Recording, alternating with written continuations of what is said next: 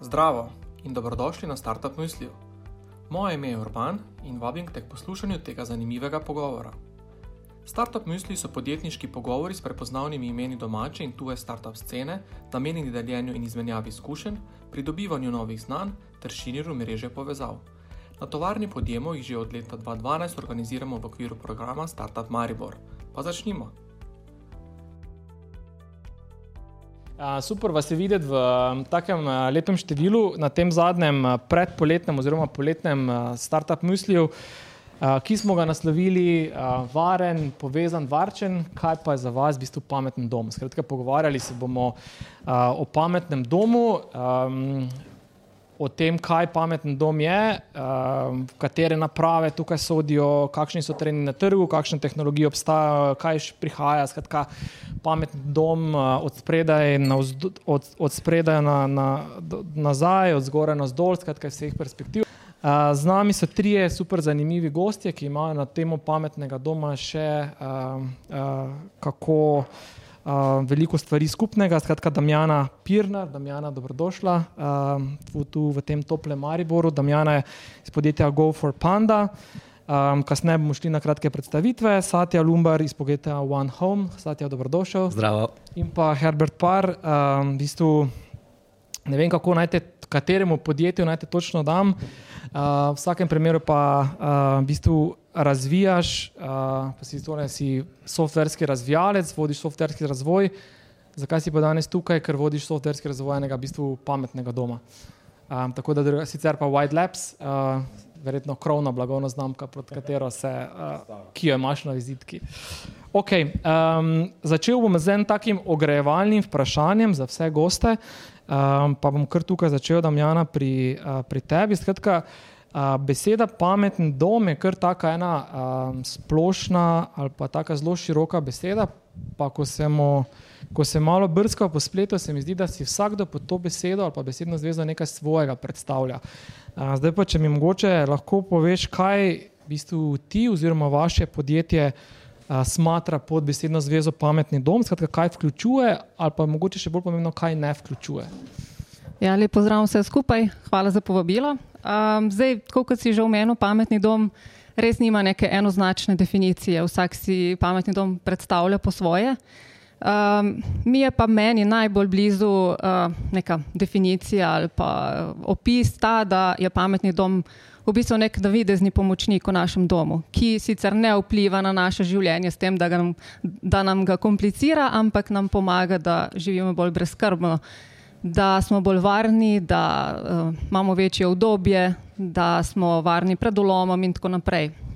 Uh, hkrati so te naprave med sabo uh, smiselno povezane, uh, tako da uh, za nas pametni dom ni to, da prenesemo stikala na aplikacijo, ne, ampak je pametni dom to, da takrat, ko nam je vroče, recimo tako kot danes, bi se tista okna tam zaprla, mogoče samodejno, ne?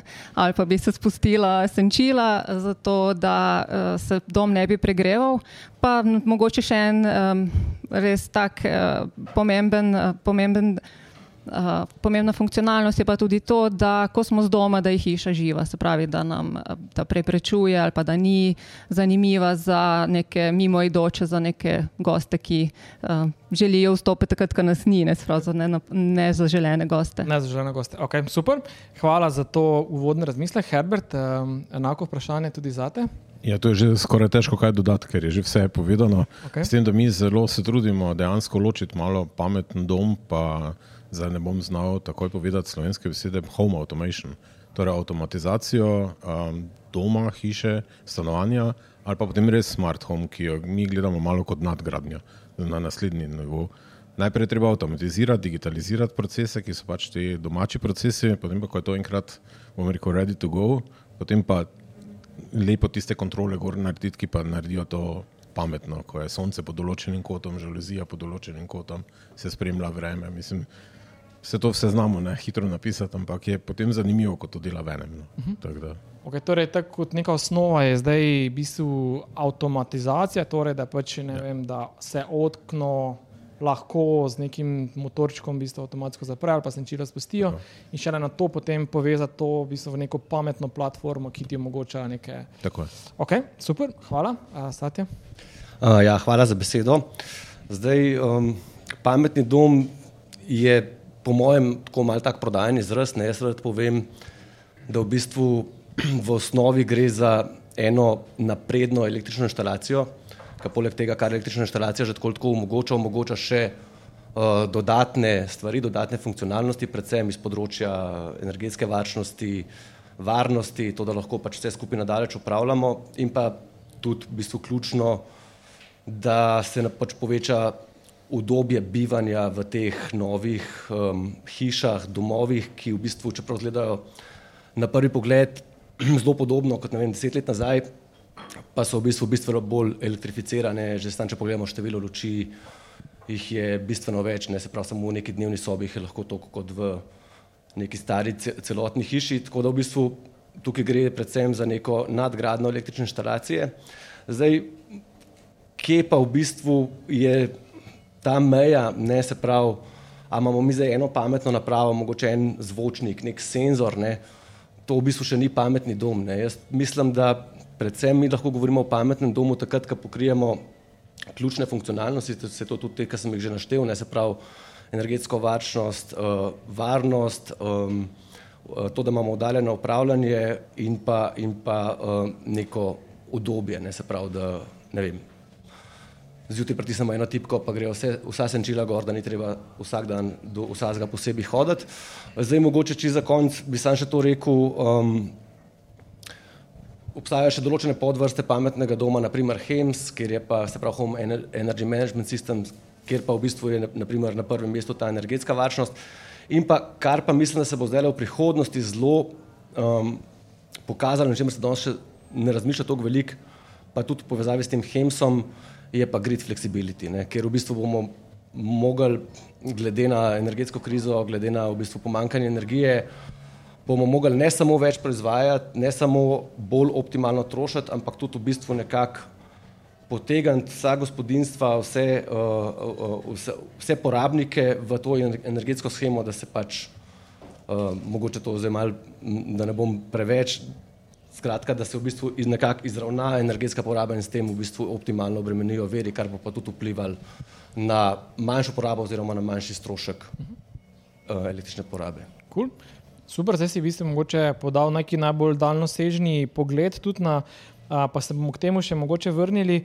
Um, zdaj pa glede na to, da je bilo zdaj da približno zdaj vemo, uh, pametni dom. Uh, mogoče še to pod vprašanje, ali je pametni dom vezan izključno na hišo ali tudi za stanovanja relevanten. Ker se mi zdi, da večino tega, kar ste zdaj govorili, je vezano več ali manj na hiše, ampak tudi za stanovanja ogromno nekih naprav, sistemov, parcialnih rešitev, ki bi jih lahko smatrali pod nek pametni dom. Kak, kaj je vaše mnenje? Mislim, jaz mislim, da, da te razmejitve ne vidim. Jaz mislim, pač vsako bivalno okolje je načeloma lahko pametni dom, konc koncev neke funkcionalnosti pametnega doma se lahko uporabljajo tudi v komercialnih okoljih. Ampak če pa gledam samo hiša, stanovanje, mogoče kakšne funkcionalnosti v stanovanju niso tako pomembne kot v hiši, ampak načeloma gre pa tukaj za isto stvar. Cool. Okay, če zdaj na kratko, torej, uh, prej smo imeli super kratko predstavitev vseh, pa mogoče če zdaj v stavku dveh podaljšate uh, predstavitev podjetja, z katerega prihajate, torej, um, pa kar satja pri tebi ostajamo, torej One Home. S čim se podjetje ukvarja, tako uh, dva, tri stavke, da bomo vedeli, v bistvu, kaj počnete? Uh, zdaj, One Home pač razvija tehnologije na področju uh, pametnega doma, um, avtomat, avtomatizacija v zgradbah. Zdaj, trenutno smo na trgu z enim produktom, ki se mu reče One Home Bridge ko v bistvu omogoča, da um, pametna inštalacija KNX, ne KNX je nek evropski oziroma svetovni standard uh, za žično pametno avtomatizacijo, da se ta lahko upravlja preko pametnih asistentov, se pravi, govorimo Apple Home, Google Home, pa uh, Amazon Echo, se pravi Alexa. Uh, tako da v bistvu to povezavo uh, omogočamo, smo en redkih produktov na, na svetu, ki to zmore. Tako da um, razvijamo pa naprej razno razne zadeve, tako da tukaj pa mogoče sledite našim kanalom. Ok, okay to je zdaj že bil taki trailer. Uh, Herbert? No, mi pa vzamemo tisto, kar oni razvijajo, pa na to gor postavimo softver, pač mi smo softverska hiša. V glavnem um, delamo že z preizkušenimi napravami, tisto, torej low level, se več ne dotikamo, dotikamo se pa bolj, rekel, tistega bolj pametnega dela. No.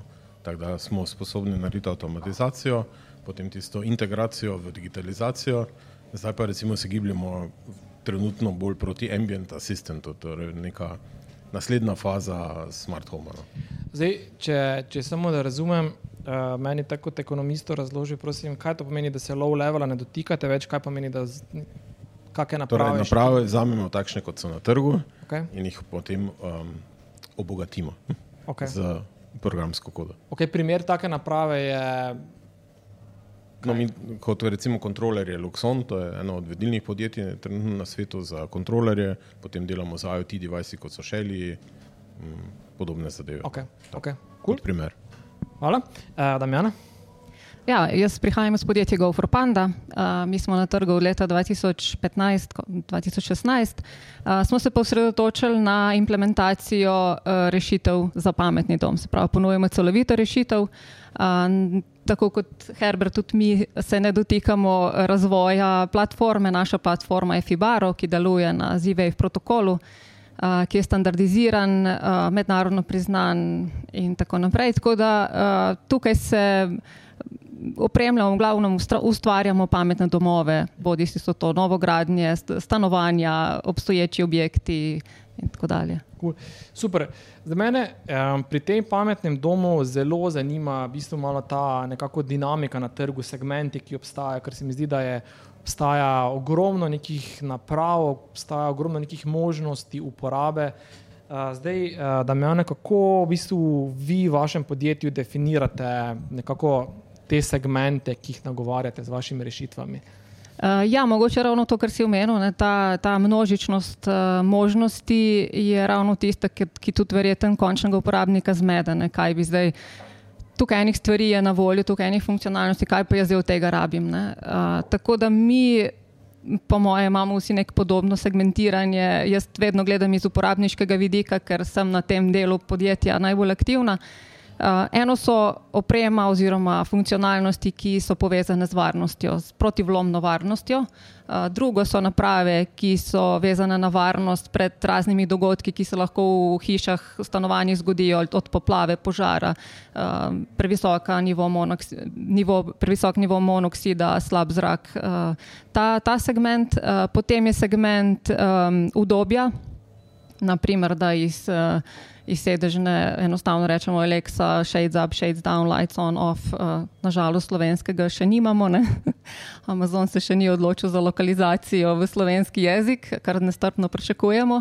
Um, potem so um, pač segmenti uh, vezani na energetski vidik, tukaj tudi že Satya omenil.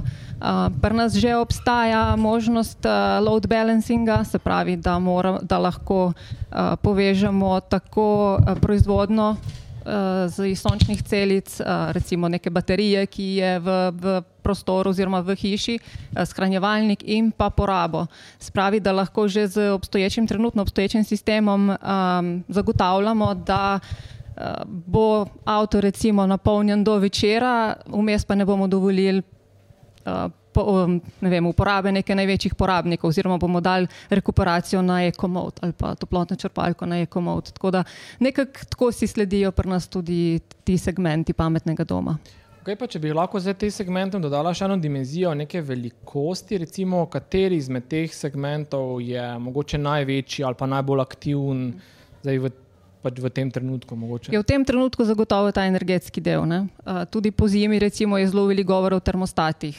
Zdaj, ko, ko je več govora o teh, v tem dvigu cen ali pa pomankanju goriv in tako dalje, vsi sprašujejo o, o možnosti zmanjšanja porabe energije. Ampak, če se pa preslikam nazaj, pa to je mogoče samo pol leta nazaj, so bile pa to bolj varnostni mehanizmi. Ne? En naš glavni pič pri uh, kupcu montažnega objekta je poplava. Če se vam zgodi poplava v nekem prostoru, v montažni hiši, lahko pride do res ogromne škode. In tudi plus škoda še stres, ki ga ob tem doživljamo, ko smo na morju, pa zvemo, da je doma poplava. Uh, tako da vsako montažno hišo že več let, že skoraj od začetka, kar ponujemo sisteme, ugrajujemo senzorje iz litija, plus uh, pametni motorni ventil za zabiranje vode, tako da je ta škoda res manjša. Potem si pa sledijo varnostni, protivlomna zaščita. Um, udobje je mogoče šele tam eno, tretje, četrto na vrsti. Okay, super, uh, hvala. Um, mogoče naprej, um, Satya, vi zdaj izmed teh vseh štirih uh, segmentov, kateri je bil segment vašega zgodnega uporabnika. Torej, vi, uh, za razliko od uh, Damjana, v bistvu ste razvili svojo napravico uh, in v bistvu softver, ki jo krmili. Uh, zdaj, kdo, kdo je bil tisti zgodnji uporabnik, ki ste ga imeli v mislih, ko ste to v bistvu zelo tako po start-upu razvijali? Ja, mogoče tukaj, če kar povem nekako zgodbo, kako je ta naš podjetje sploh nastal. Ne? Uh, v bistvu naš lastnik Gregor Ebol, uh, Potem, ko je, ko je prodal prejšnjo firmo, si je vzel uh, eno leto off in je kupil eno stanovanje in ga je opremil z kajnik s pametno inštalacijo. Ne. In ker to enkrat bilo vse upremljeno, je rekel, ok, super, stabilnost, robustnost, vse dela, ampak ni pa neke te uh, prijazne uporabniške izkušnje. Predvsem ga je pa tukaj motil, da ni mogel sistema upravljati z voice controlom, se pravi za Alexo. In v bistvu je potem čez vikend praktično nakucal en prototip, uh, ki je iz, iz, iz česar je potem ta naša firma sploh nastala. Tako da mogoče tukaj vsem govorimo o segmentu obdob, o, udobja, ne? ker pač voice control pač je neko udobje, ne? to lahko mi skavča rečemo. Um, in tudi tako mislim, mogoče malo drugače kot Damjana, ne? da v bistvu ta uh, glaven segment, ki trenutno celotno industrijo naprej žene. Ne. Tudi če pogledamo, kje produkti se na trgu pojavljajo, je vse v tem trenutku komfort. Ne. Bo pa definitivno um, security, se pravi varnost, pa energetska varčnost, uh, zdaj ratala bistveno, bistveno bolj pomembna. Uh, Herbert, vidiš te, te segmente enako kot Damjana in Satya, bi še kaj dodal? Ja, de, definitivno čisto enako. Uh mhm. -huh. Mislim, mi smo izhajamo, ker smo pač v drugi generaciji razvoja sistemov, Mi smo izhajali bolj iz komfort, definitivno, torej tudi ne samo varnost, ampak tudi uh, medijska oprema hiše, torej od projektorov, televizij, ki se skrivajo, um, do razno raznih zvočnih kanalov, torej tele, prostoročnega telefoniranja z mikrofonskimi areji in podobno. Tako da dejansko gre tu zgolj in samo za komfort. Uh mhm. -huh. Vse tiste, bom se rekel, spodne aktivnosti, zopet bom izrazil, da morajo že biti tukaj. Ne? Da se potem lahko to nadgradi do enega drugega nivoja. E, zdaj, če smo še malo pri segmentu uporabnikov, no, meni se, ko, ko govorite o tem, ne, recimo ta udobje, uh, pa potem ne vem, pametni domovi, to, kar si ti govoril, to se meni zdi zelo, uh, se mi sliši, da je to en taki zelo majhen segment, zelo taki premijski segment, premožen segment. Um, se motim, ali je to v bistvu um, relativno mala ciljna skupina potencijalnih uporabnikov, ki je nek potencijalen kupec teh naprav? Um, mislim, da saj po naših izkušnjah, no, če, če, če se kar preslikam nazaj, v letu 2016 smo imeli prvi sejem na sejmu Dom, ko smo predstavljali naše rešitve, smo navduševali, smo razlagali, smo uh, kazali, kaj vse se da narediti, pa so ljudje bili tako res wow, efekt je bil. Ne.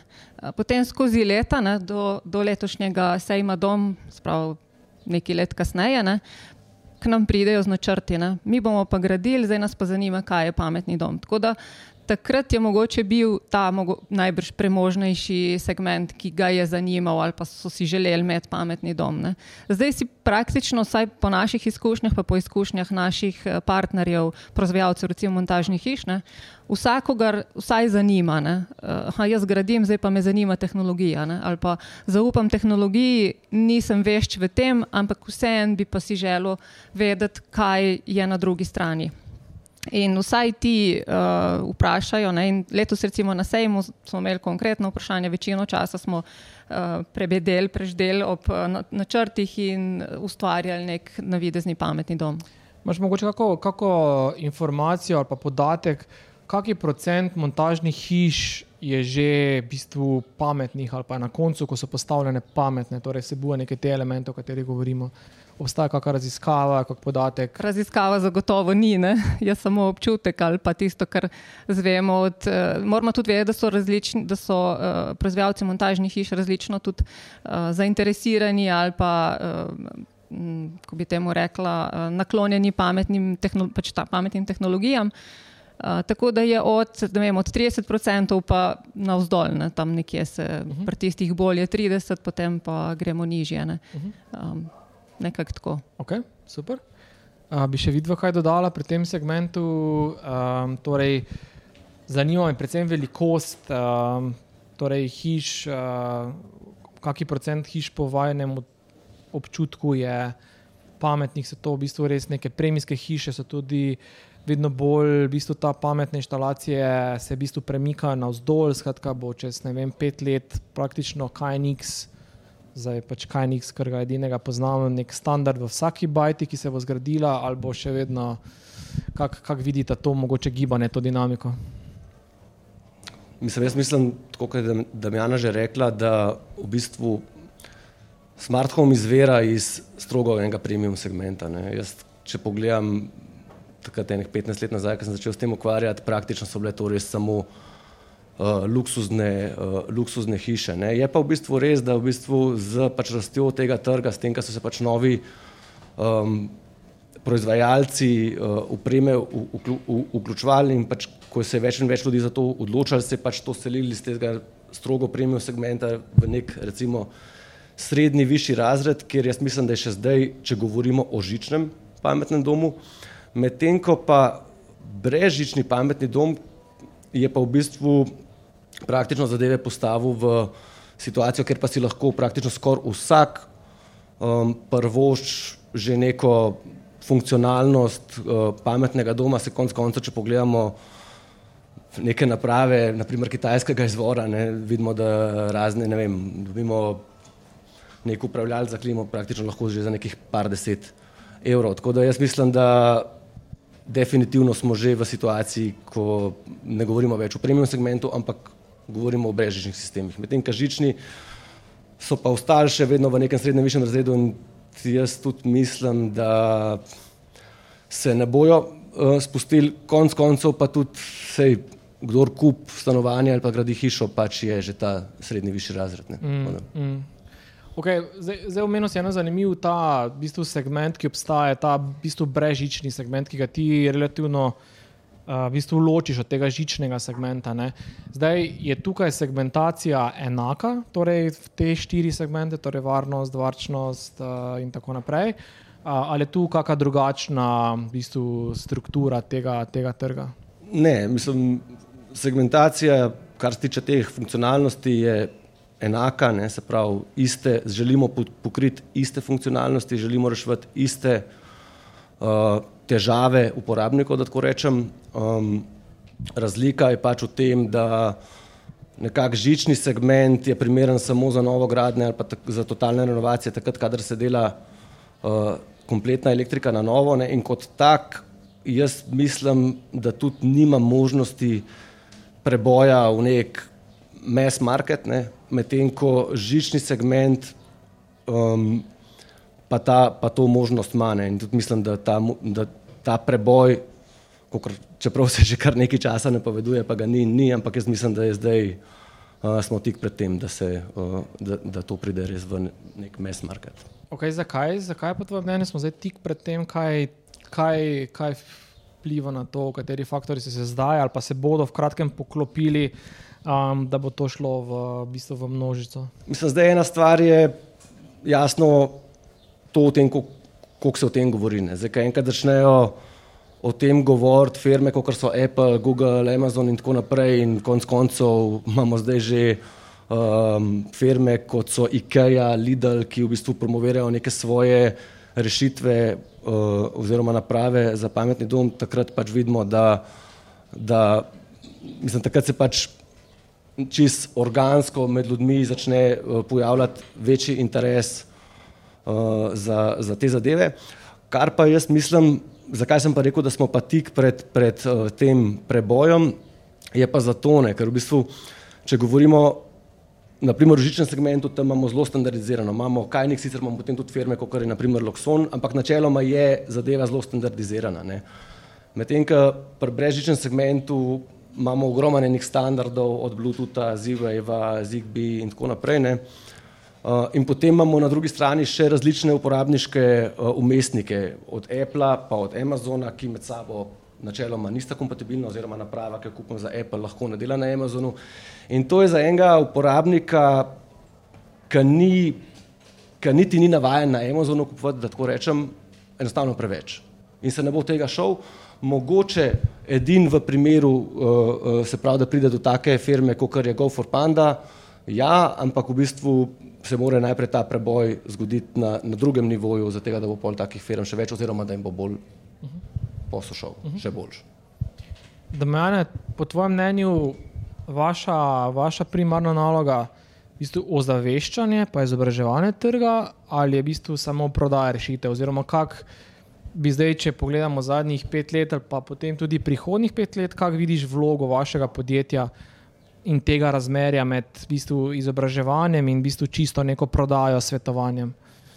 Ja, mi mislim, da smo sploh štartali z nekim osveščanjem, izobraževanjem, z predstavitvami, kaj vse se da, kaj vse je možno. Če se še vrnem tudi na prejšnje vprašanje. Uh, ko smo mi začeli, so ljudje že poznali 15 let žične sisteme, ne? so bližje na trgu. Mi smo se srečali z električarji, ki so ponovadi zamahnili z roko. Ne? Jaz poznam kaj niks ali pa poznam žični sistem, jaz se ne bom šel v teh brežičnih uh, stvari. Uh, potem so pač morali s časom, pač s tem osveščanjem, z, z uh, case study, z predstavitvami, z izobraževanjem električarjev v končni fazi. Uh, um, razlagati, ne, da tudi uh, Wi-Fi tehnologija ne, oziroma brežična tehnologija, noben si ni predstavljal pred desetimi leti, da bo v pisarni sedel, pa ne bo priključen na UTP, ne, da bomo delali na Wi-Fi. To je nepojmljivo. Ne. Zdaj smo pa vsi, ne, kamorkoli greš, je nek Wi-Fi, vse deluje, vse je stabilno. Ne, in že ta je spet ena prednost uh, tem našim brežičnim sistemom, ki so res standardizirani in, so, uh, in delujejo, no, so stabilni in tudi delujejo več let. In pač imamo uh, stranke, ki so s tem uh, zadovoljne. Ne. Uh, in mislim, da zdaj, če dalje bolj prehajamo pač, ja, v vlogo s prodajo, se smo vse čas prodajali, ne?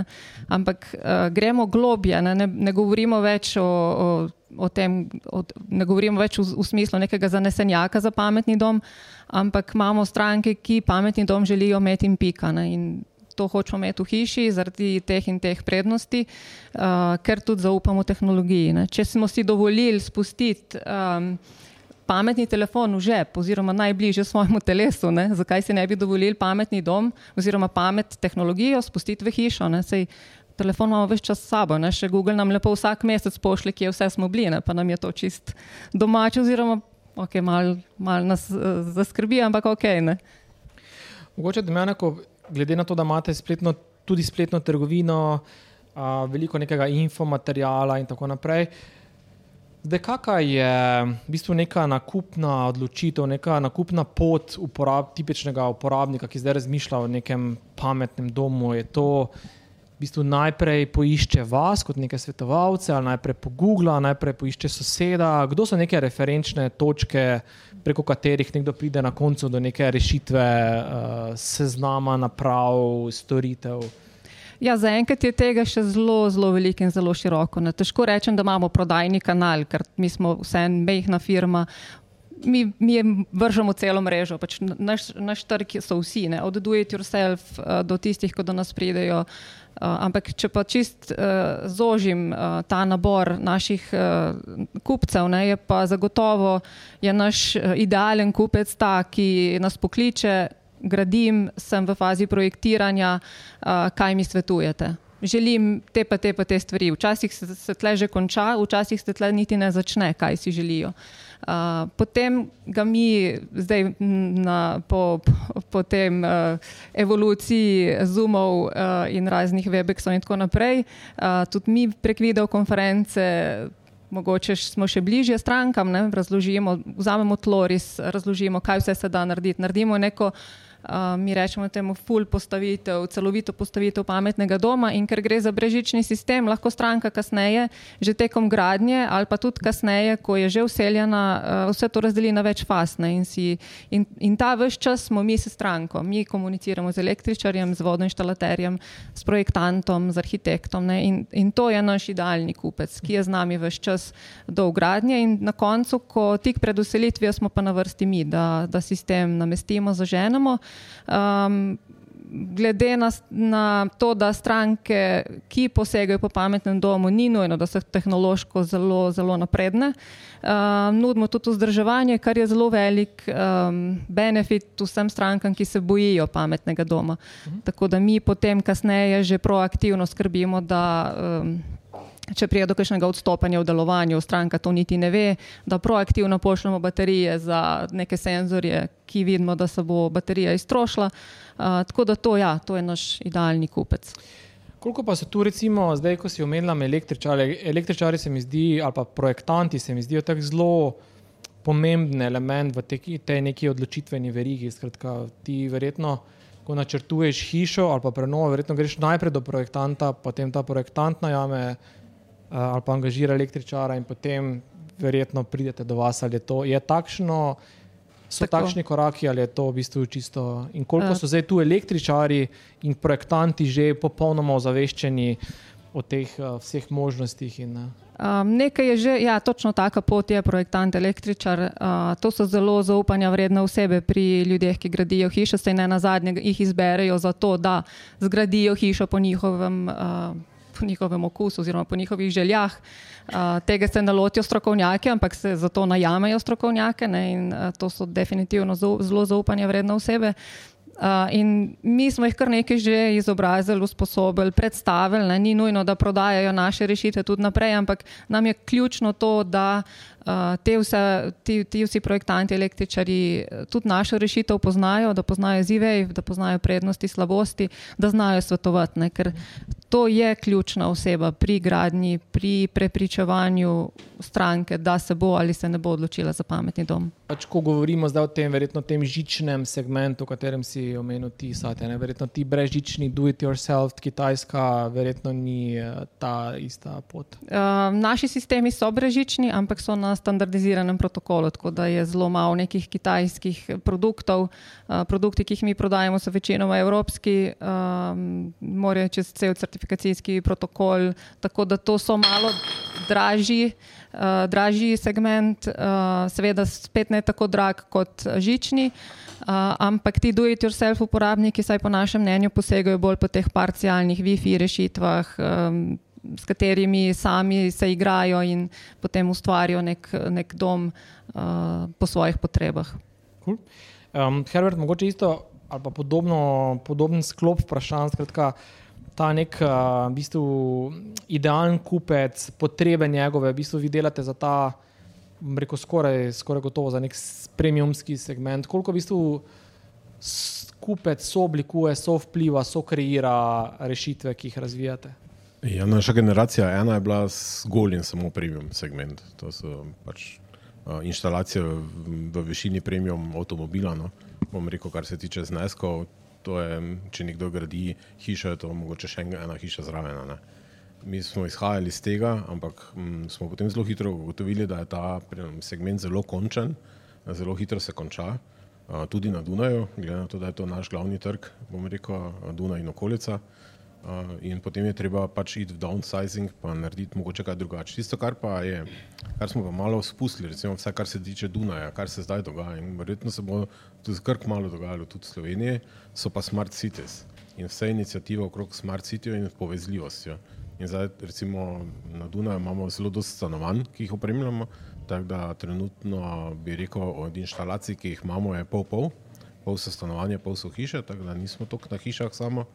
In zdaj uh, zelo dosti grad, uh, gradbenikov na Dunaju se odloča tudi, da bo naredilo smart ready stanovanje. To pomeni, da že v celotnem fazi projektiranja naredi vse, da lahko recimo kasneje nekdo, tako kot smo bili navajeni na full HD ready, tako tak prihaja smart ready v spredje, da se lahko potem sam uporabnik odloči, ok, bom priklopil, bom smart ali pa pač bom lepo šel, se vstal, pa šel do stikala, pa si naredil luč, ker je pač to konvencionalno in bolj zanesljivo.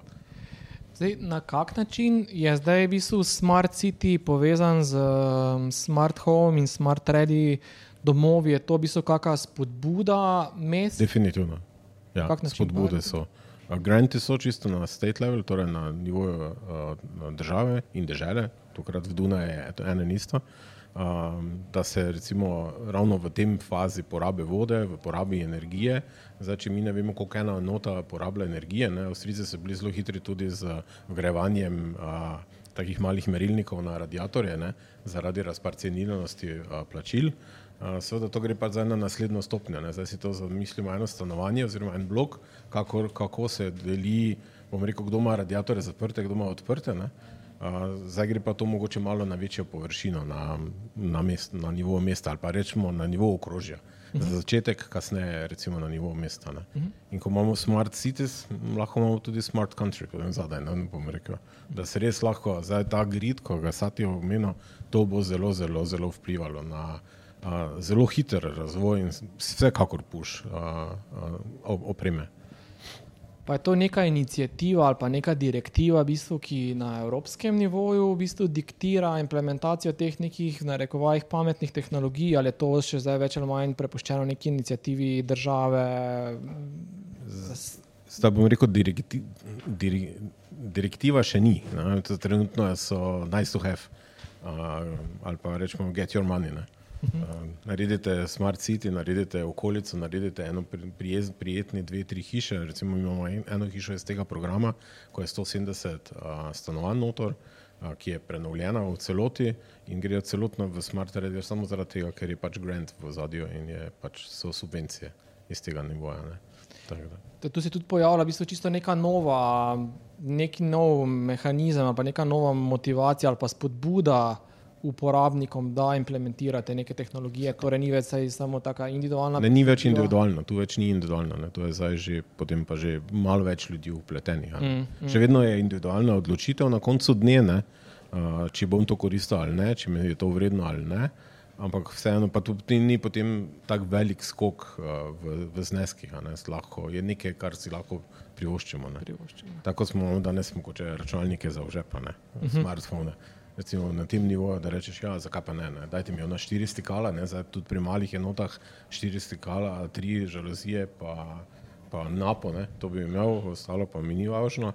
Na drugi strani, kar se pa tiče avtomatizacije celotne stavbe, takrat tam pa ima tako tako glavno besedo upravitelj, ne? da reče, ok, hoče imeti, želimo imeti klimo pod kontrolo, želimo imeti celotne ta HVAC, no, kot se imenuje to v tujki. Uh, pod kontrolo, da se bo delalo tako, kot se spodobi.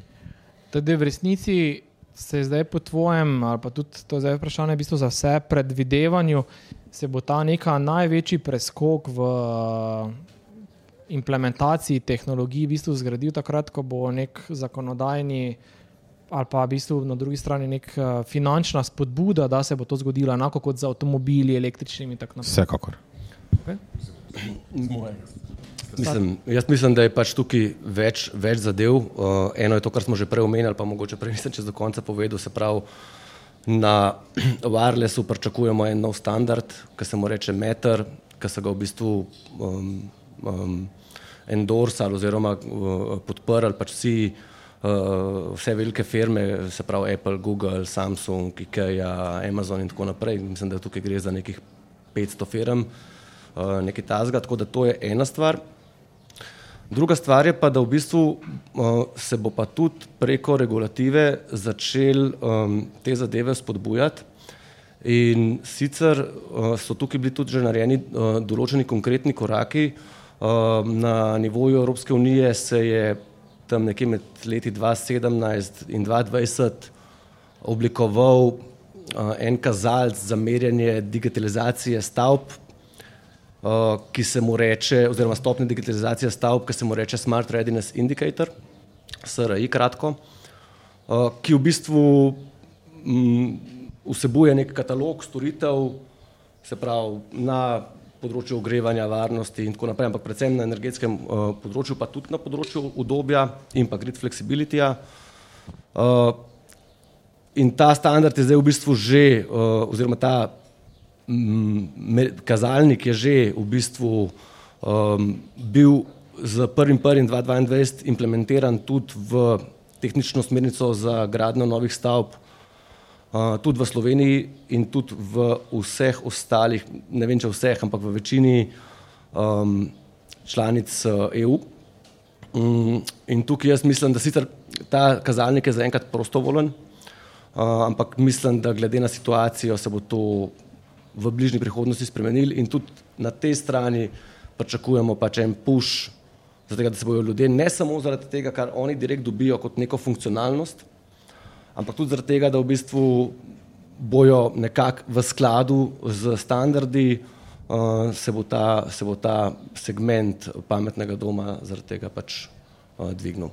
Ampak v bistvu eh, ocenjuješ, da bo ta, ali pa v bistvu je ta SRI zasnovan tako, da bodo na to vezane potem tudi neke te finančne spodbude, to, kar je govoril Herbert, ali je to zdaj več ali manj samo nek um, bom rekel, tako so na, vem, na napravah tista nalepka o energetski učinkovitosti, da bo bolj neka orientacija za uporabnika, ali bo na to vezano in seveda potem tudi spodbojen uporabnik, glede z neko spodbudo, finančno spodbudo ali mogoče kaznijo na drugi strani. Se tukaj imajo države članice dosti proste roke. Ne? Zdaj zaenkrat so vsi uh, ta kazalnik uvedli kot prostovolen.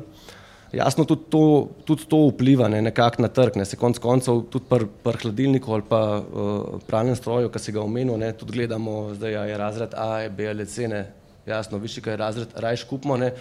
In tukaj se gre tudi za to, da, pač, da je to tudi en, ena motivacija, oziroma kako bi to rekel, uh, ena, uh, ena zadeva, kako se bodo ljudje v bistvu izobrazili, oziroma bojo na tekočem, da v bistvu, če pač ta SRI stopna večja, da bo potem tudi poraba manjša, da bodo neki stroški v prihodnosti manjši. Ne? Zdaj pač prečasno se je govorilo tudi, pa mislim, da tudi to bo slejka prej realnost tudi v CO2 kuponih tudi za gospodinstva, ne? tako kot imamo že za industrijo, kar čisto domače pomeni, da če boš imel neko nizko oceno SRI ali pa nezga primerljivega kazalnika, um, boš imel tudi neke stroške, čisto operativne objekta, večje, kar mislim, da enostavno bo, uh, bojo ljudje zelo uh, si vzeli k srcu. Ne. Tako da um, je, trenutno je to prostovoljna zadeva, pričakuje se pa, da bo ratala manj prostovoljna.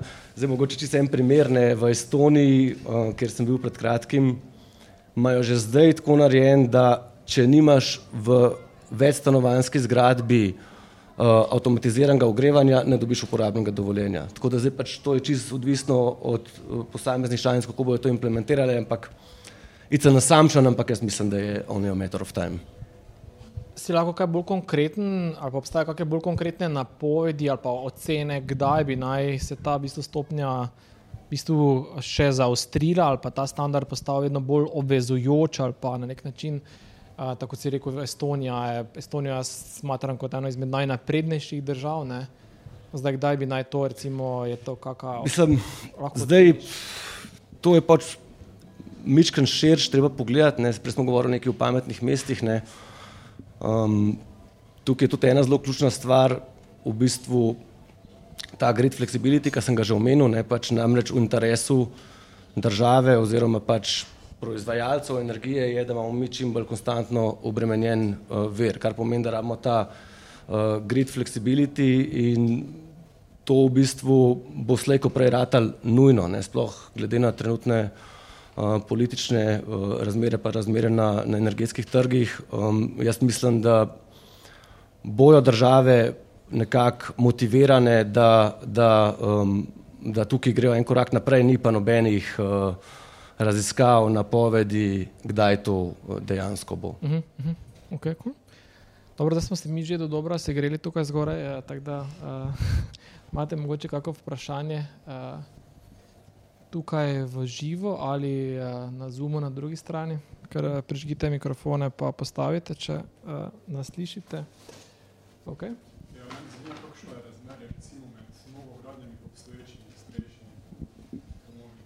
Torej vprašanje, če ponovim, razmerje med novogradnjami. Torej predpostavljam, da je vprašanje implementacije pametnih naprav, obstoječi pa v bistvu. Uh, Damjana, uh. Glede na to, da so ja, brežični sistemi temu najbolj, najbližje, oziroma najlažje, gremo v obstoječ objekt. Uh, presenetljivo je zelo veliko novograden. Um, tudi mi smo pričakovali, pa tudi mislim, da naša konkurenca z žičnimi sistemi misli, da mi večinoma delamo uh, adaptacije, obnove. Pa mislim, da ni temu tako. No. Je kar um, več kot 50% je definitivno novograden. Uh, um, manj je potem pri obnovah uh, neke spremembe oziroma dodajanja pameti. Je pa res tudi to, da ko gre za obnovo, gre veliko krat tudi za obnovo elektroinštalacije, tako da takrat se tudi trg razširi, uh, tako da se takrat lahko stranka tudi še vedno odloči za žične sisteme, uh, da mogoče tudi ne, en del trga gre tudi na, na, ta, na to področje. Da ste se vi prav namenoma v podjetju usmerili v brežične sisteme, na mesto v, recimo, v žične. Uh, je bila to namenska odločitev in če je bila namenska, zakaj? Um, Ja, mi smo se v preteklem uh, podjetju ukvarjali z digitalizacijo poslovanja. Um, Nekaj smo želeli v tej digitalizaciji ostati, uh, znanja je bilo veliko, predvsem na tem um, na IT delu, uh, na, na brežičnih tehnologijah. Uh, kolega, ki je tudi uh, trenutno uh, čist fokusiran na samo tehnologijo je tukaj zelo, zelo uh, strokoven, oziroma pozna, ker že, ima že zelo močne, oziroma velike izkušnje. Uh, in nam je bilo to zelo blizu. No. Če so se takrat še nekateri bali, kaj bo, kaj brežična tehnologija bo omogočala, ali je stabilna, ali je varna, predvsem je to tudi vprašanje. Uh, udorov, možnosti udorov, smo mi tukaj že zaupali tehnologiji. Tako da nam je bil digitalizacija hiše oziroma preskok iz digitalizacije poslovanja v digitalizacijo doma zelo jasen in čist prva odločitev je bila brežični sistemi. Uh -huh, uh -huh. Super.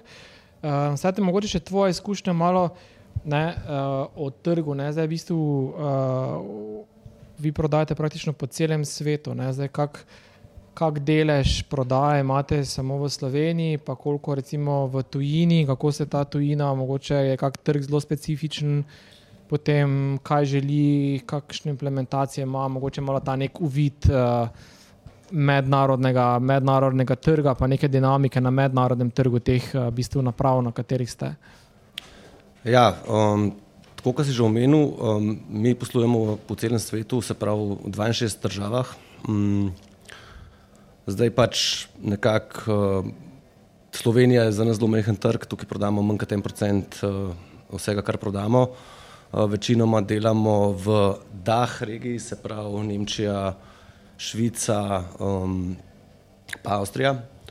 Um, tako da v bistvu je pa tako, ne, pač mi smo v bistvu začeli štartali kot ena zelo B2C firma, ker v bistvu smo imeli tak produkt, ki so ga vsi po domači povedano na Google iskali. Ne, se pravi, vsak je imel KNX, na drugi strani je imel Apple Home in je napisal KNX Apple, je pač nas najdel in smo tako v bistvu zelo B2C in organsko zrastali. In to je bil tudi naš nekak prvi ta kupec.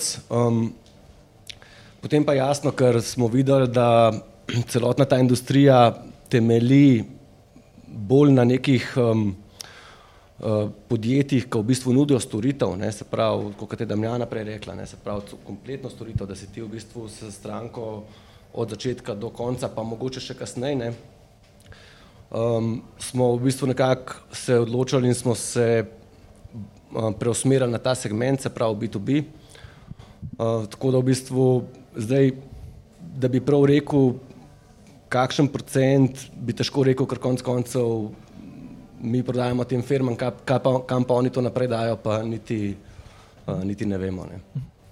Da, pa, ampak tako po, v bistvu, po, po, po statistiki več naprav prodate tem v bistvu nekim sistemskim integratorjem, če uporabljam malo ta IT-ovski segment uh, ali več predate čisto end customerjem, torej eno napravo v bistvu za en dom. Zdaj mi smo štartali s tem, kar sem prej rekel, s preusmeritvijo iz B2C na B2B.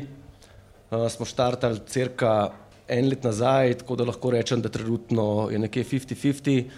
Pričakujemo pa ogromno rast na uh, B2B in uh, mehko rast na B2C, tako da pričakujemo v roku enega leta ali pa mogoče dveh, treh, da bomo crka 90% ali pa 80-90% um, prodajali sistemskim integratorjem. Mm -hmm. Zdaj, še ena zanimivost. Ne? Zdaj, torej, KNX je standard, ki je že v bistvu koliko let že obstaja, oziroma desetletje. Ja, mislim, da tam nekje od leta 70, 72, da so se prvi zametki, mogoče se, mogoče se motim, ampak ne pa dosti kasneje, 80.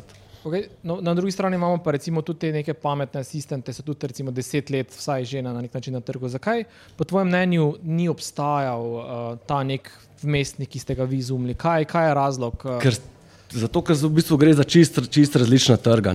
Um, moramo vedeti, ne, da v bistvu KNX je en zelo, zelo specifičen trg, kjer v bistvu so nekako se ta standard razvil iz tega EIB, se pravi European Installation Bus standarda in v bistvu praktično gre za to, da uh, proizvajalci prodajajo samo direktno integratorjem ne? in potem integratorji naprej iščejo te, te stranke in ta trg, kakorkoli pogledamo, čeprav je novograden velik, je z vidika ene ameriške firme ala Apple nepomemben pač to je tako malo, da se, da se uh, en Amazon s tem niti ne ukvarja in tega sploh ne vidi kot, nek, uh, kot, nek, uh, kot neka tržna priložnost. Ne.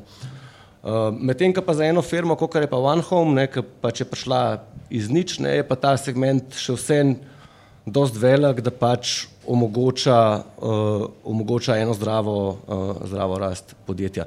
Ampak v bistvu to je, to je razlog. Ne, se pravi, uh, vsi, naprimer, če zdaj se fokusiram na Amazon, Google pa Apple, ne, imajo v bistvu tako močne prodajne kanale, da nezga kajnih segmenta praktično sploh ne, ne, ne opazijo. Ne.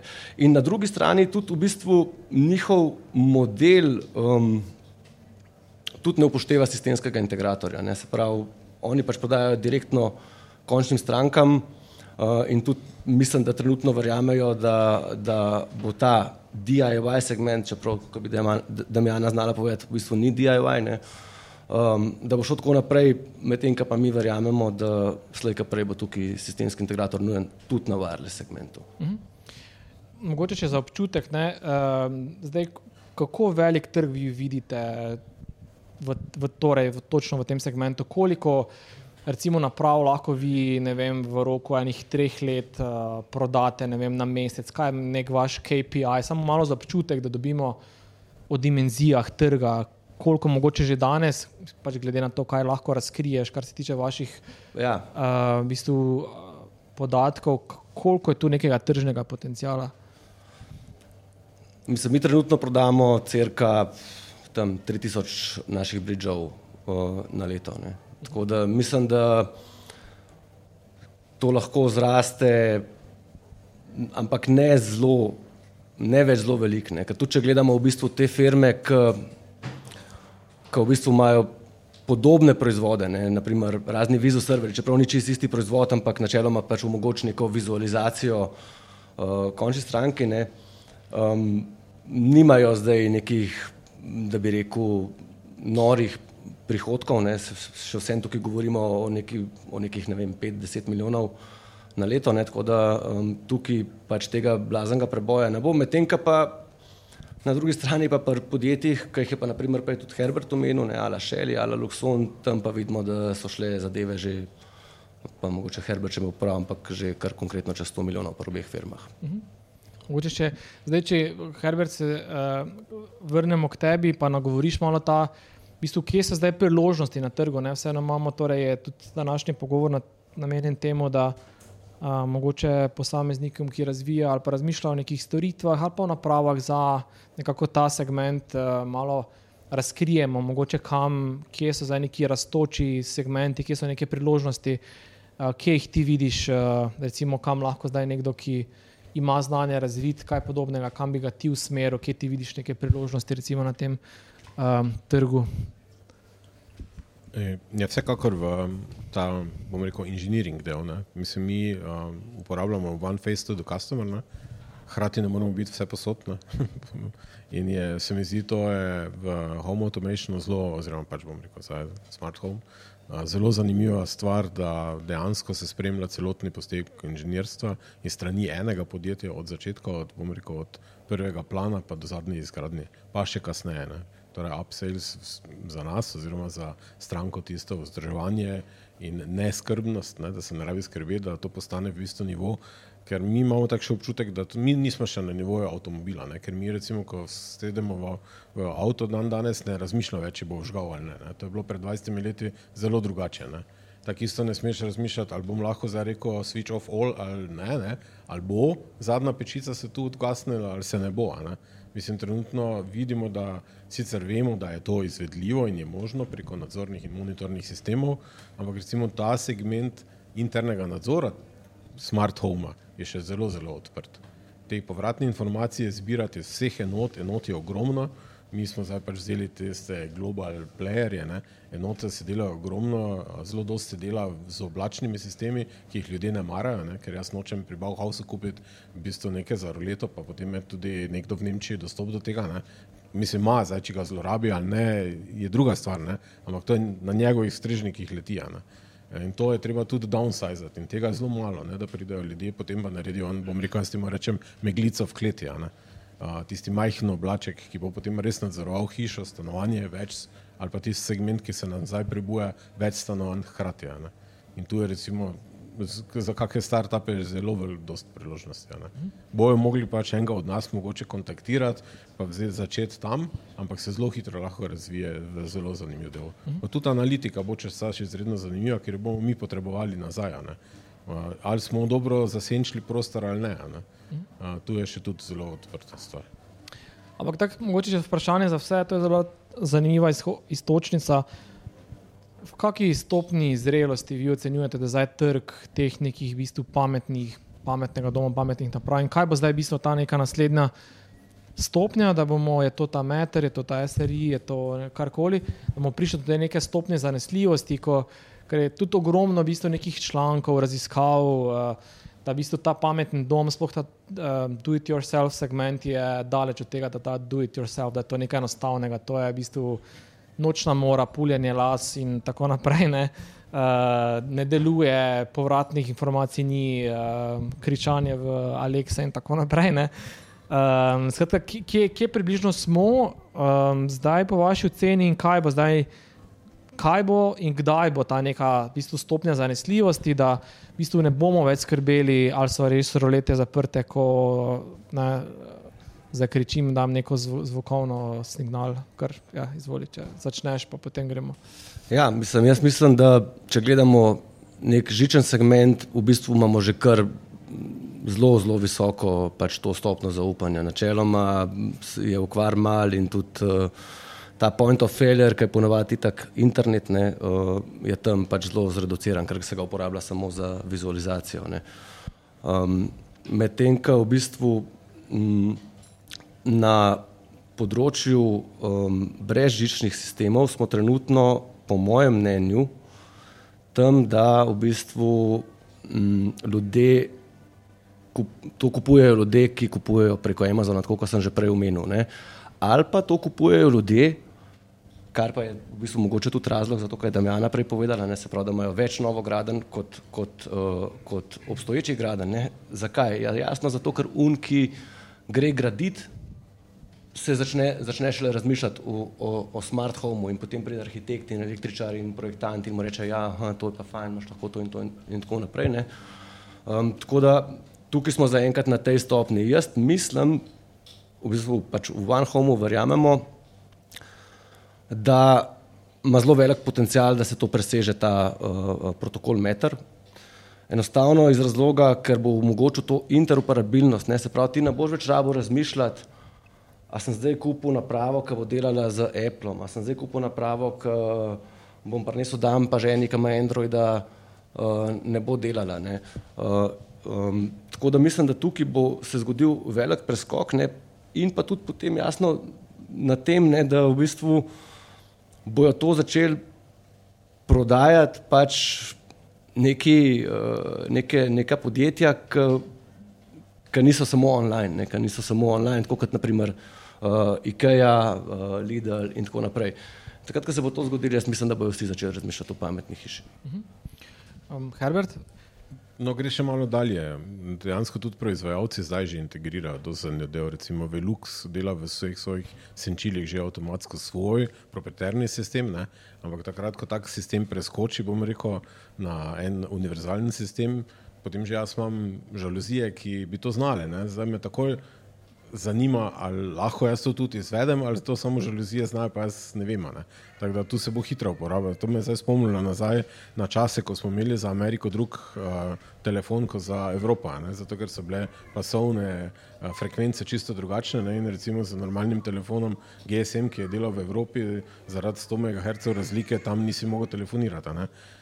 Tu smo nekje zdaj v teh vseh delčkih in ko pa bo prišel ta en, bom rekel, zdaj, če je to meter ali bo še kakšna druga generacija, ker tudi Zigbee je bil svoj čas napovedan kot rešitelj vseh skrbi, ne, pa, pa ni, ne, kot smo opazili. Tako da upam, da bo meter pa to zadržal ali pa bo še kak drugi uh, nivo, ampak takrat, ko se bo to zgodilo, ko bo lahko device dejansko se pripel na bilo kakšno mrežo v svojem okolju in tam, tam deloval zanesljivo in varno, takrat je sigurno bo, bom rekel, smo na nivoju zanesljivosti tudi brežičnih sistemov, primerni za žičnimi. Umenil si tudi ta Bauhaus, torej na nek način pač teh nekih malih brežičnih napravic je res veliko, tudi že v vseh teh ne, uh, trgovcih. Uh, ne, uh, tudi IKEA se mi zdi, da je to zelo jasen signal, v bistvu, kam želi s temi v bistvu, napravami iti. Um, kaj je glavna vem, slabost teh naprav? Prej si omenil v bistvu to, da so v oblaku. Um, ja, vsekakor za uh, proprietarnost, torej, en samo za sebe delajo, ne, ne zda se jih povezovati. Ali pa se jih da povezovati z izredno velikimi napori, ne, ki pa ne, potem več ne upravičijo sredstva. Ne. Uh mhm. -huh. Ko je pa to, bom rekel, nek protokol, ki ga lahko jaz pa hitro povežem v bilo kam, je pa to čisto drug nivo. Ne. Potem okay. pa se rečem, ok, imam delo. Uh -huh. Torej, ne glede na to, ki kupiš, kakšno napravo, če pač nek standard. Okay. Uh, Damjana, ja, definitivno bi tle dodala, da je problem teh naprav, parcialnih, um, raznih um, dedicated ali to, pač, ki so specificirani ali pa delajo za neko napravo, uh, so protokoli. Uh, Wi-Fi protokol, Bluetooth protokol, uh, Zigbee, Z-Wave, milijon protokolov. Pač ja, mislim, da je okrog, okrog 13-14 protokolov.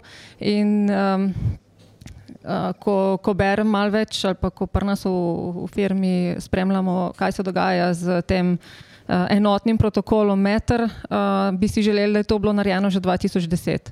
Uh, ker takrat, ko smo mi nastopili na trgu, bi bilo super, da bi bil enotni protokol in bi vsi šli. Tako imamo pa Bosch pečico, ki dela na Bosch Automation, uh, mislim, pač nek svoj protokol imajo. Potem imamo uh, Wi-Fi, Philips Hue, potem imamo IKEA, potem imamo en kup enih naprav v domu, ki so nepovezljive in to tudi zmede uporabnika in je uporabnik zato manj naklonjen tehnologiji, ki jo ima v hiši. In imamo potem mogoče dva uporabnika v hiši, en, ki, je, ki to razume, pa potem nekdo, ki to ne želi noče razumeti. Uh, tako da nek um, enoten standard definitivno bi rešil marsikaj. Uh, moram pa reči, da smo pri nas zelo še zadržani, pa bolj v, v smislu opazovalca tega standarda, kljub temu, da je Fibaro pristopil v, v, ta, v to alijanso oziroma skupino. Uh, mislim, da tudi sam uh, ta naš uh, dobavitelj je, oziroma razvijalec uh, je podobnega mnenja, saj tako imamo informacije. Uh, Um, ampak mislim, da bo potrebno no, na trgu nekako poenotiti, poenostaviti, da bo to res na vsakem telefonu, na vsak način. Ne? Ker če ti stranko pokličeš, stranka ima težave, jo pokličeš, ah, kateri telefon pa ima, to je to že, je že konc, je že, že ni uporabniška izkušnja primerna. In zdaj, če se mogoče vrnemo k zadnjemu krogu, v bistvu vprašanja, pa mogoče počasi zaključku debate.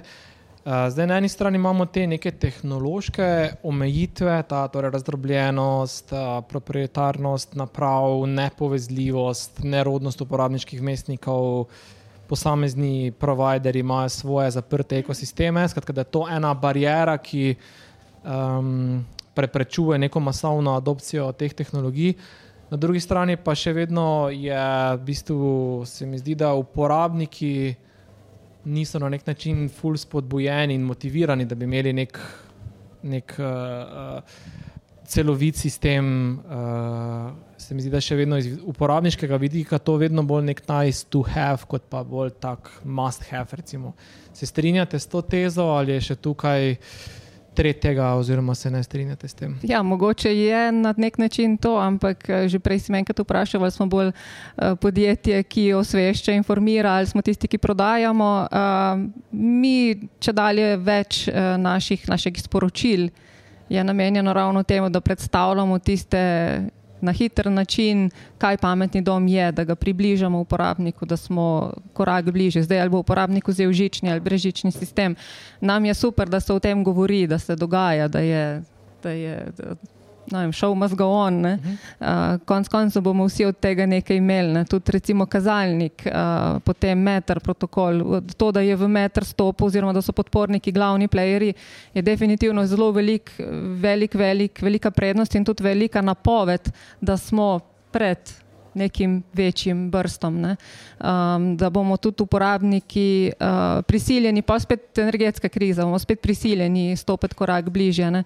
Tako da mislim, da smo na tej poti in uh, bomo zdaj kot prej morali vsi uporabniki pač to, to stopiti in uh, dovoliti, da nam tehnologija tudi pomaga, da, skrbi, da živimo um, bolj udobno, bolj uh, brezkrbno. Uh, mogoče smo tudi prej zelo pomemben novi vidik ali pa zelo pomemben dejavnik temu je mogoče tudi to delo od doma.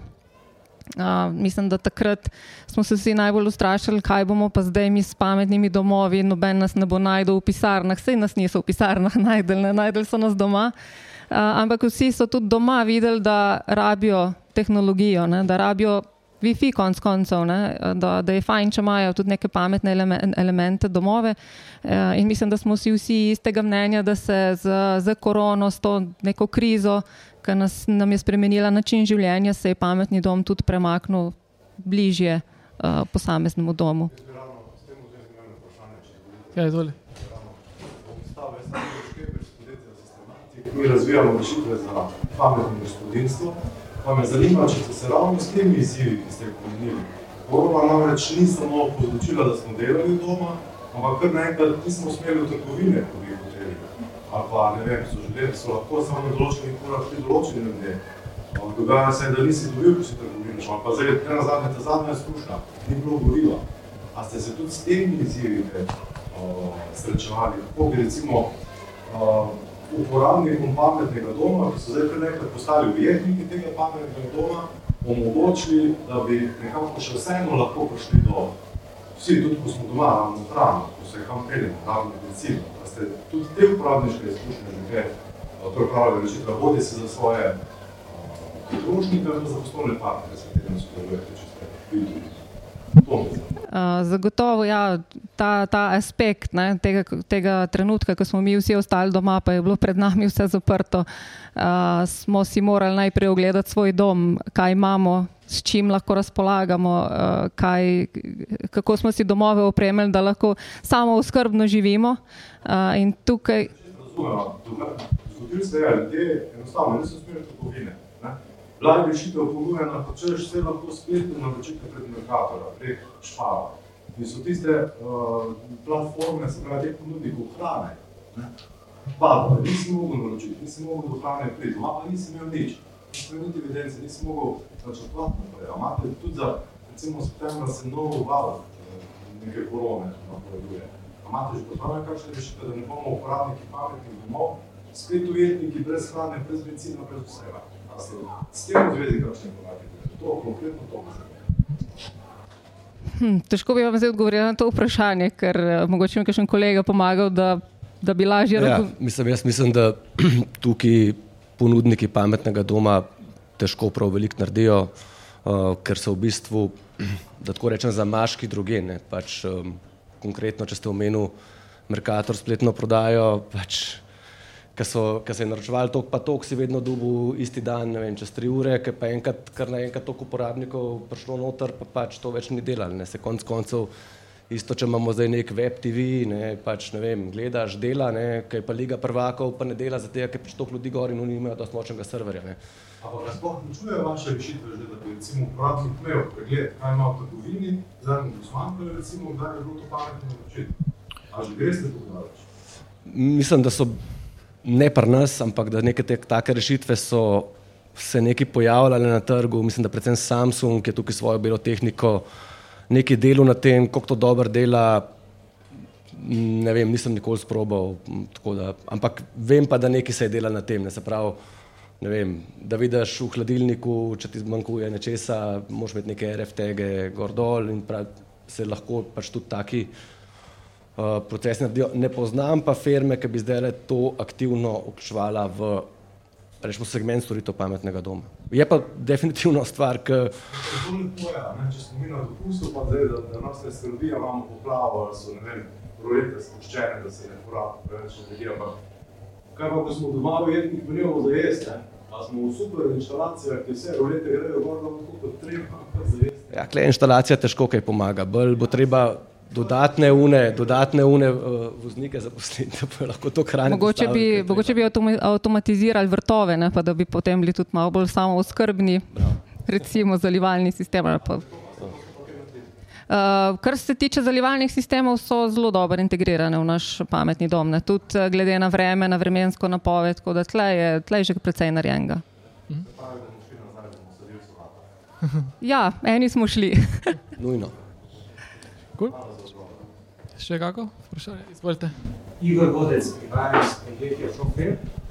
Uh, danes smo zelo malo slišali, koliko energije namenjate sinergiji med uh, ogrevanjem, prezračevanjem, hlajevanjem, osvetljevanjem, varovanjem, te zadeve. Se pravi, ta sinergija, se pravi, bolj smo govorili o tem, ker greš lučko, malo sem tja, fino ti je, ampak to so take komfortne, to so take stvari, ki ne vem, če so ravno prava tema pametnega doma.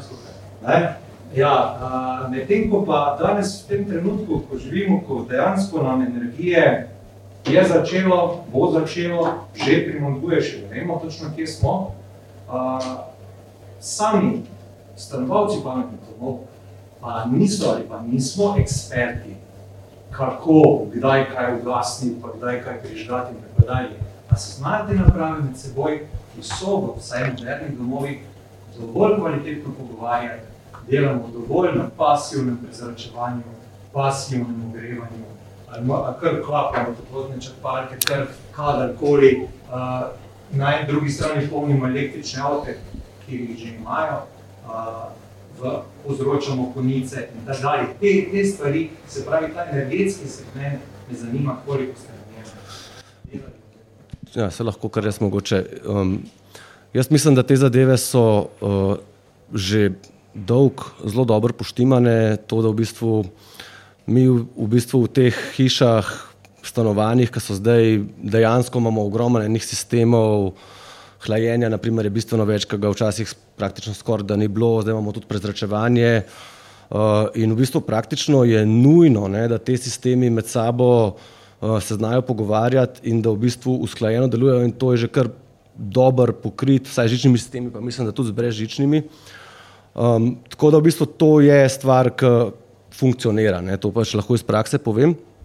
Um, je pa, kle, pa tudi naprimer, to, kar sta že in Damjana in Herbert prej omenila, ne? naprimer zadeve kot so smart shading algoritem, ne? se pravi, mi če imamo neke električne senčila, če vidimo, da je temperatura v prostoru nizka, uh, želimo dogrevati, hkrati pa vidimo, da je zunaj uh, sonce, ne, potem se lahko senčila naprimer avtomatsko odprejo, na drugi strani se lahko talno ogrevanje malo zmanjša, izklopi uh, in tako naprej. Zdaj pač, uh, tako da teh zadev kar nekaj je, jaz mislim, da so tudi zelo dobro poštimane. Je pa tukaj nekaj drugega pomemben, kar ste pa tudi že sam omenil. In sicer to je to, ne, da v bistvu praktično, preden mi začnemo razmišljati o neki tehnologiji, ki bo rešila nek, nek naš problem, ne, moramo v bistvu razmišljati prej tudi o nekih pasivnih, uh, temu jaz rečem, ukrepih. Ne. Naprimer, uh, če je hiša orientirana na jug, hkrati pa ima stekleno površino 10 krat 4 metre, potem je jasno, da bo ta hiša energetsko potratna, da ne bo niti udobna za bivanje in hkrati bomo tudi veliko denarja za to trošili. Ne. Tako da v bistvu že sa, pri sami neki postavitvi, pa to v bistvu ni to niti v našem segmentu, ne, ampak je pa, je pa v bistvu, se pa navezuje zaradi tega, ker pač mi v te hiše potem ugrajujemo svoje tehnologije, ampak je pa dejstvo, ne, če je, pa mogoče da meni eno karikaturo, ne, če bom naredil stekleno kocko na ravni površini, ki mi bo pač cel dan sonce nocijo, potem mi nobena toplotna črpalka, noben konvektor in nobena pametna inštalacija ne bo pomagala. Tako da pač treba imeti zdravo osnovo, potem pa lahko v bistvu s pametnimi tehnologijami delovanje takih sistemov zboljšamo oziroma optimiziramo. Ampak samo še enkrat na koncu, kar se tiče hlajenja, ogrevanja in ventilacije, so te zadeve, lahko rečem, zelo, zelo dobro poštimane, tehnološko. Hvala. Še kako vprašanje? Da. Izvoli.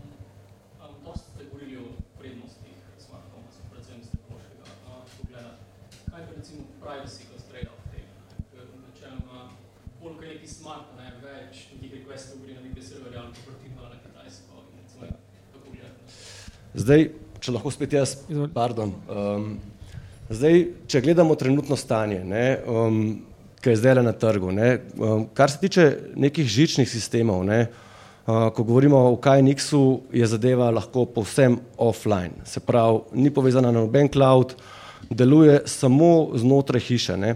Če govorimo o smart asistentih, ne, trenutno je v bistvu tako, da Google pa Amazon zaradi svojega pač poslovnega modela, ki temelji na oglaševanju, sta pač vezana na cloud in ta privacy je pač issue oziroma zadeva, ki ni rešena. Medtem če gledamo mi na primer en Apple Home sistem, Apple HomeKit, je že v tem trenutku popolnoma offline. Se pravi, mi lahko izključimo zunanjo povezavo na na internet in nam bo vse znotraj hiše delalo. Je pa jasno, da če mi smo na Hrvaškem pa hočemo gledati našo hišo, potem pa je treba ta kanal odpreti. In samo še to, ne, to sem hotel že parkrat tudi omeniti, ne, pa hvala za to vprašanje, meter, ke pa zdaj prihaja, bo pa kompletno offline. Se pravi, v bistvu bo ta privacy na tem nivoju, kakor je trenutno na primer v Apple environmentu, kar je zelo visoko. Če lahko še jaz dodam, za brezžične sisteme, ravno tukaj je mogoče največja diferenciacija teh brezžičnih sistemov, ne, ker velika večina je, ima samo inštalacijo v cloudu. Naša recimo platforma Fibaro ima vse lokalno, tako da enako kot žični sistemi, če ni internet oziroma če se mi odklopimo, lahko delamo lokalno.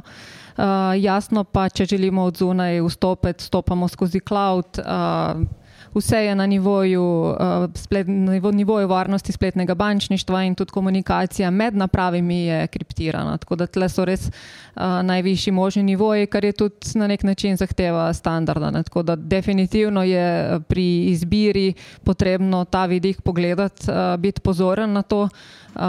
seveda pa mi prisegamo na to, da je neka rešitev na standardiziranem protokolu, ne da je to wifi ali pa kakšen tak, ki po našem mnenju ni primeren za pametni dom. Ej, pa ne samo tako glupo vprašanje, koliko pa sploh uporabniki se ukvarjajo s tem vprašanjem varnosti, koliko uporabnikov vam naslovi ali pa vas vpraša, kaj pa varnost, kaj pa ta povezava proti internetu, koliko smo varni, moji podatki, moje slike? To je mislim, da drugo ali pa morda celo prvo vprašanje naših strankov, strank vseh, ja. Ja, Kar se varnosti tiče, zato sem mogoče prej bolj v obliki karikature hotela reči, da telefon smo si, smo si spustili zelo blizu, ne, v pametnem domu imamo pa ogromno vprašanj glede privacyja, ampak to je prav, ne. Jaz bolj mislim, da pri telefonu preveč spuščamo nivo in in klikamo vse, strinjam se, tam, kjer ne bi bilo potrebno.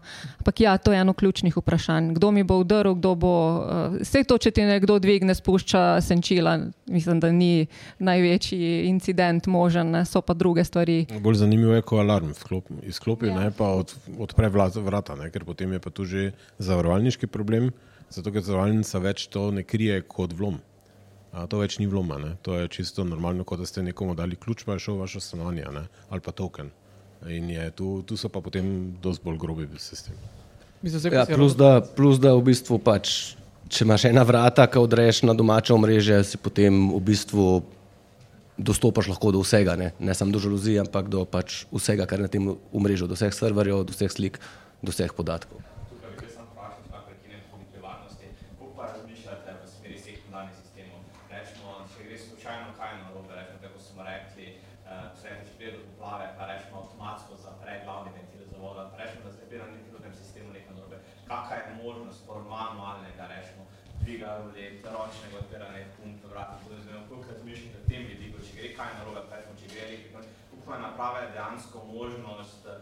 Sekundarnih sistemov, da rečemo, da ni vse popolno, da človek sploh ne more zraven. Koliko smo tukaj kaj odprti pri teh pametnih domovih? Uh, ja, v bistvu bi tako rekel. Um, Veliko se o tem razmišlja. Jasno, vsak uh, ugradi pametno hišo, je prvo vprašanje, če ni, a mi bojo odrli, je, kaj pa če crkne. Uh, ne, a pa, pa ne bom mogel vrat odkleniti, a pa, pa ne bom mogel žaluzije dvigati. Kaj se zgodi? Ne? Uh, in zdaj tukaj v bistvu obstaja na trgu ena zelo standardna, um, enostavna rešitev, UPS, univerzalno napajanje, oziroma po domače povedano baterija, ki jo ti lahko daš, um, zdaj govorim za primer izpada elektrike, ki jo ti lahko daš v, v, v hišo, v stanovanje. Če pride do nekega izpada elektrike, rečeš, ok, da je te pa te pa te naprave, mogoče ne vse, mogoče samo nekaj so ključne um, napajaš z tem univerzalnim napajanjem in so te zadeve rešene. Jaz sem, preden sem prišel v to firmo, delal v eni drugi firmi, ker smo delali integracije uh, in lahko povem še, še to, ne, uh, ja, vpraša vsak, ne, uh, dejansko pa ta UPS na koncu uh, ugradi zelo, zelo mal uh, uh, enih uh, ljudi. Medtem pa še mogoče bi se pa kleše dotaknil, uh, kar sem zdaj rekel za izpad elektrike, ne, uh, uh, verjetno ste pa vi mislili tudi okvara. Ne? Tukaj, tukaj je pa druga stvar zelo pomembna. Ne? Tukaj je pa pomemben, mi v pametnem domu načeloma imamo dve področji, ne? oziroma dva segmenta, čisto tehnološko gledano, oziroma topološko. Ne? Uh, en je, se pravi, centraliziran, drugi pa decentraliziran. Čisto enostavno pomeni, če imamo mi centraliziran pametni dom, naprimer, mislim, da Luxone na ta način dela, imamo mi en glavni strežnik, potem imamo pa od spod uh, elemente, ki vklapljajo lučke in tako naprej. Zdaj pač, če tam glavni strežnik crkne, potem pač nič ne dela. Uh, če imamo pa sistem decentraliziran, mesh network, ste zdaj že slišali, um, potem pa v bistvu, če se ena naprava pokvar, druge delujejo lahko uh, naprej brez, brez uh, ovir oziroma brez uh, motenj v delovanju. In to je definitivno ena prednost. Je pa tukaj treba povedati še eno stvar. Um, da v bistvu ta elektronika, jaz lahko govorim predvsem za žični segment, ker sem bil najdlje uh, aktiven, je tukaj gre v bistvu za elektroniko, ki je na ravni uh, industrijske elektronike, se pravi, to ni neka gadget elektronika in posledično tudi teh okvar uh, je zelo, zelo malo. Če se zgodi neka okvara, ponavadi ni to tako, da cel smartphone crkne, ampak se pregreje en relej oziroma en trijak, kar pa čist po domače pomeni, da ena luč ne dela ali pa da se ena žaluzija ne premika. Ne. Tako da takih okvar je več. Ne. Teh okvar pa, da pa vse skup crkne je pa zelo mal, takrat je pa fajn, da imaš pač decentraliziran sistem. Cool.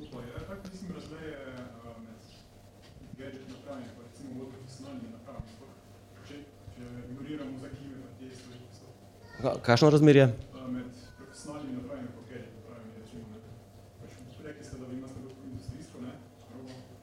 Mislim, to je to, kar že skozi govorimo. Ne? Se pravi, trg pametnega doma se načeloma loči na žični pa brezžični segment. Ne? Zdaj pač jaz govorim o tem žičnem, ker sem pač velik delov, tam je roba, se pravi, je um, oprema industry grade, ne? se pravi, v bistvu monokvar. Zdaj, koliko je pač tega na Na brežičnem segmentu bo pa verjetno lahko. Ampak kako sta ta dva segmenta velika, približno? To kaka, kak za občutek, koliko je en pa drug velik? Tak, ne vem, je to vem, po številu gospodinstva, po številu uporabnikov, kak je to sploh, je sploh neka. Zelo težko reči, zato, ker v bistvu to je mogoče tudi ena stvar, ki smo se jo na začetku dotaknili. Mislim, definitivno je brežični segment mega večji kot žični segment. Ampak tukaj pa pridemo na tisto vprašanje, ki smo imeli na začetku. Ne? Kdaj imaš ti pametni dom? Ne? Če imaš en pametni zvočnik, pa eno Philips užarenco, to v bistvu ni pametni dom. Ne? Tako da v bistvu zdaj, če bi gledali pa prav uh, razmerje nekako komplet smart home, pa teh številk nimam, pa jaz mislim, da tukaj pa zaenkrat še prednjač uh, uh, žičen segment, ampak je samo vprašanje časa, kdaj bo brežičen segment prevladal. No, če lahko samo dodam, glede uh, okvar na, oziroma napačnega kakršnokoli delovanja na brežičnem sistemu. Uh, zdaj govorim lahko za ZVEV naprave, s temi, ki mi največ delamo. Uh, mi praktično zbiramo modulčke po modulčke, pa potem vsake pol leta pošljemo nazaj proizvajalcu v garancijo. Tega praktično ni. Uh, okvar, okvara se zgodi pri napačni montaži, mogoče da se po domače rečeno skuri neka naprava.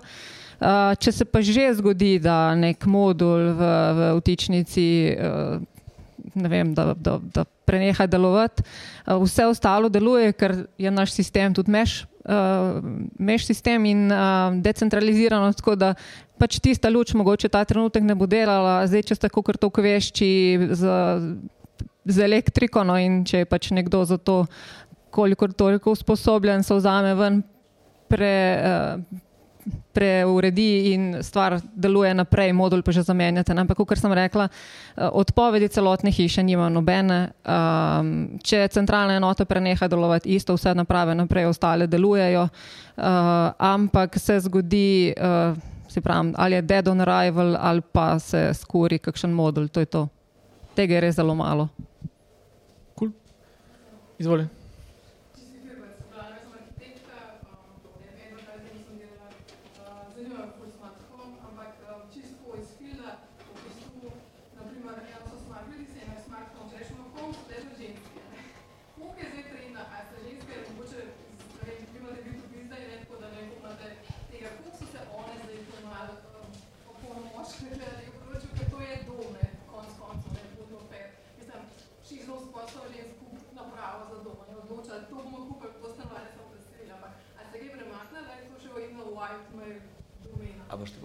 Uh, lahko jaz povem iz vidika naših um, obiskovalcev, obiskovalk, tudi mogoče social medije, kdo nas bolj gleda, kdo ne, je 50-50, moški, ženske, kar mene zelo preseneča. Uh, se pravi, sem zelo vesela, no, da smo se tudi ženske uh, opolnomočile tudi na tem področju. Uh, kar se pa na, na samem ali na sejmu ali kjerkoli tako čist random uh, srečujemo naše stranke, uh, imamo družine ali pa pare, kjer je ženska bistveno bolj napredna v tehnologiji in jo to bolj zanima, pa spet drug par, kjer je moški bolj. Tako da mislim, da je, kar imam jaz vtis, občutek ali pa informacije, je pol pol.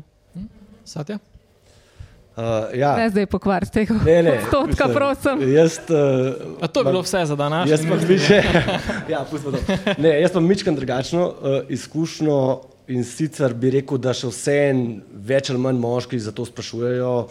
Uh, res je, da zdaj že ene dve leti nisem uh, v tej prodaji direkt končni stranka, tako da možno se je zdaj spremenil. Uh, ampak tako, no, na pol šali, na pol zares, da uh, ko pridete na sejem, uh, par, se pravi, unje vas navdušen, ženska prostran ima, gleda, kaj je to, to le, le, gledaš, kaj boš v hujše noter dal, ne. Če prepriča žensko, si prodal.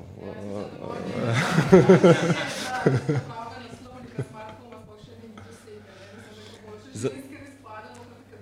Ja, za, mi, smo imeli, mi smo imeli prav uh, tako, uh, kakšne take funkcionalnosti, ne, pa nočem zdaj preveč šovinistično izpadati ali kako koli, ampak v bistvu, ki so se nekako na ženske, uh, ki so v bistvu ženskam, da tako rečem, uh, pognale uh, oziroma so jih zmotivirale, da so o tem razmišljale, ne, te funkcionalnosti so pa bile zelo doskrat vezane na otročka. Se pravi, če ti rečeš, da ja, se otroček zajoka, pa se luške prškajo, pa neki neki, uh, pa imaš od Apple un bedni monitor, pa ti na telefon jav, da unjoka, pa neki neki, to potem jih mal uh, prepriča v to smer. Druga stvar, ki pa je, je pa ta, ne, v bistvu vse to je nasplošno en strah pri pr smart home, ampak je pa ženskah mičkan večji, je pa ta v bistvu zdaj, kako bomo mi zdaj to živeli, ne, se pravi, bom jaz imela to noter in bom mogla nekaj delati drugače, kot sem delala prej. Zato je bila vedno, vse pri nas, pa mislim, da pri vas bo ista zgodba, je bila vedno ta razlaga, ne, lejte, se vi, če se nočete s tem ukvarjati, se vam ni treba, še vsem imate stikalo in, in, uh, in boste to uporabljali. Uh, imeli smo pa pol tudi primere um, iz prakse, ne, kjer naprimer smo imeli primer, kjer je bil mož zelo za, žena pa ne tok, ampak so pol vseeno ugradili in čez par let smo se srečali in je žena rekla, hej, sam res, zdaj pa brez te centralne tipke za te žaluzije, ki jih imam pač 25 bajti, ne bi mogla več živeti. Tako da. Ja, ja.